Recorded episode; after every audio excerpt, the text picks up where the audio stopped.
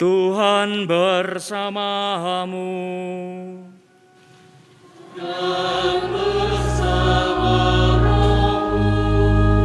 Inilah Injil suci menurut Matius.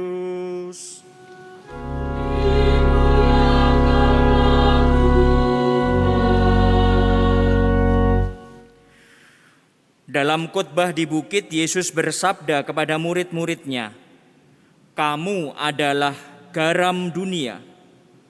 Jika garam itu menjadi tawar, dengan apakah ia diasinkan? Tidak ada lagi gunanya selain dibuang dan diinjak-injak orang. Kamu adalah cahaya dunia."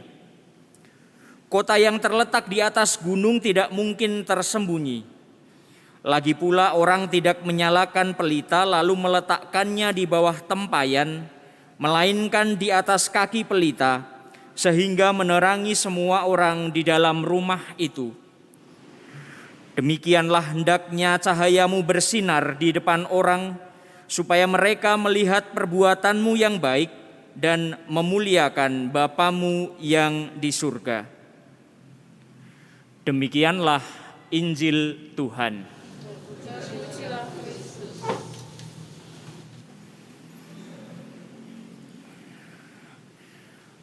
Saudari-saudara, baik yang hadir di gereja ini maupun di mana pun Anda berada mengikuti Ekaristi ini secara daring, beberapa waktu yang lalu saya berpindah tempat tinggal ke sebuah pasturan yang penghuninya adalah dosen-dosen, profesor-profesor. Dan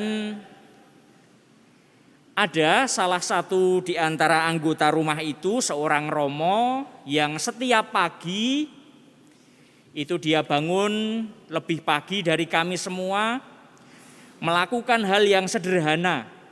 Membuka tirai, jendela, lalu pagar itu ada dua yang di dalam dibuka.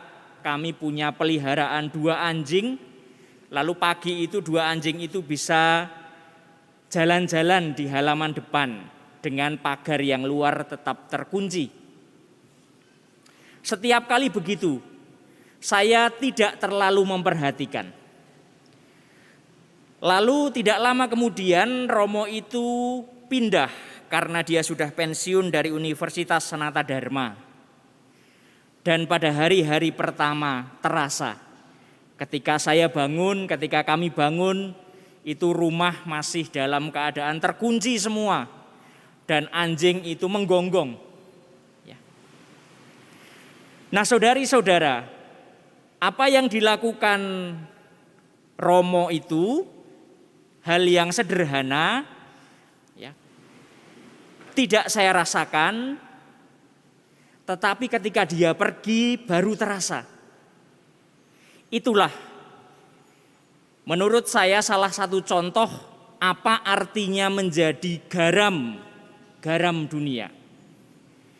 Ibu-ibu yang sering memasak atau kalau Anda sekalian pergi ke dapur gitu ya, memasak menambahkan garam, garam tidak akan ada pada hasil masakan Anda, tidak terlihat.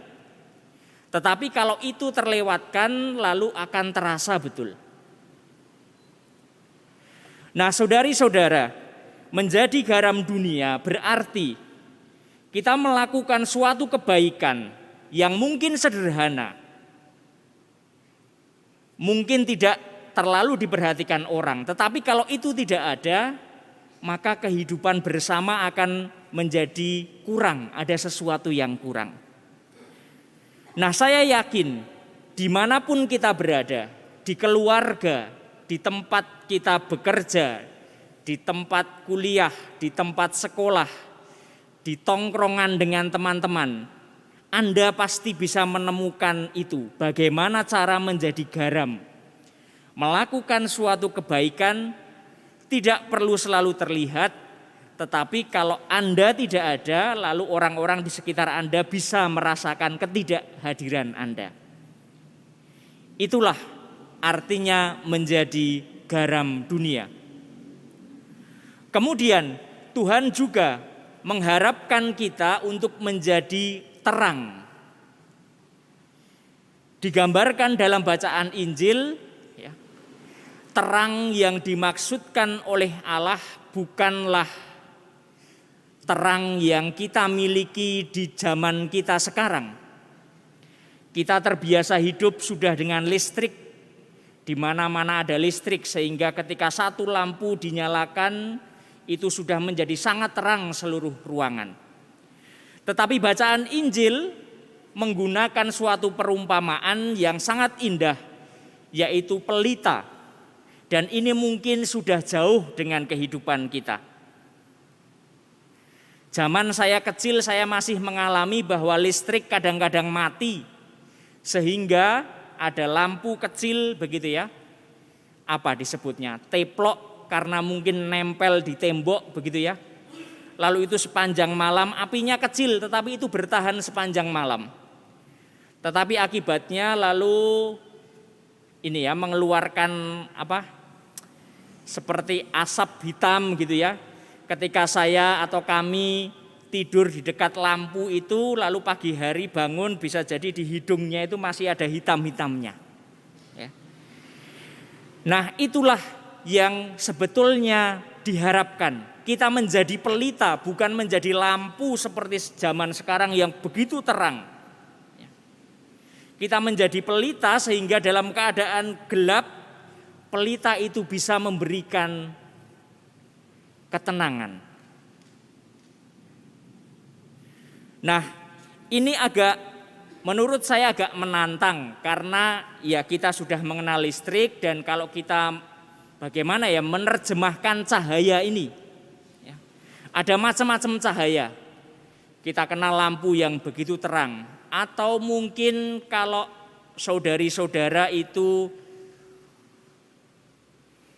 pengen melihat langit begitu ya, yang dilihat itu biasanya itu komet.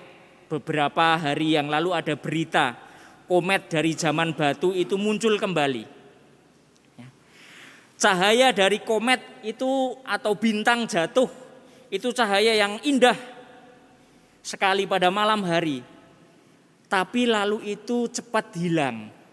Itu adalah cahaya dari sesuatu yang hancur. Ya. Bukan itu yang diharapkan dari kita. Ya. Atau menjadi cahaya itu mungkin bagi teman-teman muda yang dunianya medsos begitu ya, apakah menjadi cahaya itu sama dengan viral? Menurut saya kok tidak. Ya. Karena viral itu seperti meteor itu tadi. Cepat sekali, ya, terang sekali memang lalu cepat habis. Maka artis-artis viral itu bisa dihitung berapa lama dia akan bertahan. Paling dalam hitungan bulan beberapa bahkan minggu sudah dilupakan orang. Ya. Bukan itu.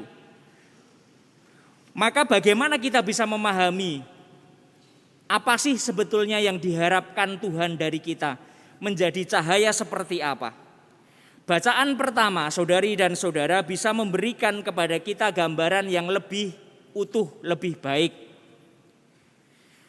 Pada bagian terakhir bacaan pertama dikatakan, apabila engkau tidak lagi mengenakan kuk penindasan pada sesamamu dan tidak lagi menunjuk-nunjuk orang dengan jari dan memfitnah, apabila engkau menyerahkan kepada orang lapar apa yang kau inginkan sendiri dan memuaskan hati orang yang tertindas, maka terangmu akan terbit dalam gelap.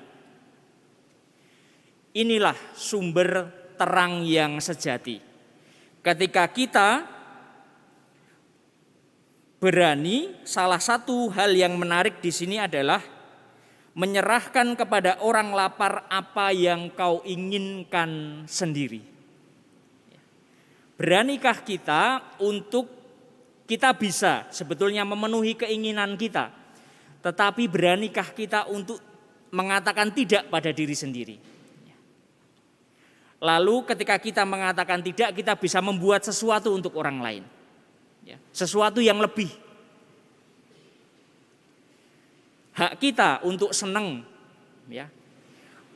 Sekarang itu ada orang hak kita orang itu punya hak untuk atau pengen memenuhi haknya untuk healing gitu ya. Setiap orang pengen healing. Hilang healing, hilang healing berujung pusing ya. Karena setiap kali healing mungkin memerlukan anggaran tertentu sehingga kalau hilang, healing, hilang, healing begitu ya. Lalu ujungnya pusing. Nah, ketika orang itu berani untuk melepaskan apa yang dia inginkan dan membuat sesuatu untuk orang lain, itulah sumber cahaya yang sejati. Itu akan membuat kita bisa melakukan kebaikan lebih kepada sesama kita. Maka saudari dan saudara, mari kita mohon rahmat Tuhan sore hari ini. Kita memohon rahmat supaya kita bisa menemukan kebaikan sederhana yang bisa kita lakukan di mana pun kita berada tanpa perlu dikenali, tanpa perlu saya dikenali, tanpa perlu harus pamer tanpa perlu harus dijadikan story, entah itu di Instagram atau di WA atau di Facebook atau di berbagai media sosial. Beranikah saya untuk menjadi orang yang semacam itu? Yang tidak dikenal tetapi tetap membuat kebaikan yang sederhana, berani untuk mengerem, mengurangi apa yang saya inginkan supaya dengan demikian kita bisa berbuat kebaikan yang lebih kepada sesama. Mari kita mohon rahmat itu dalam perayaan Ekaristi sore hari ini.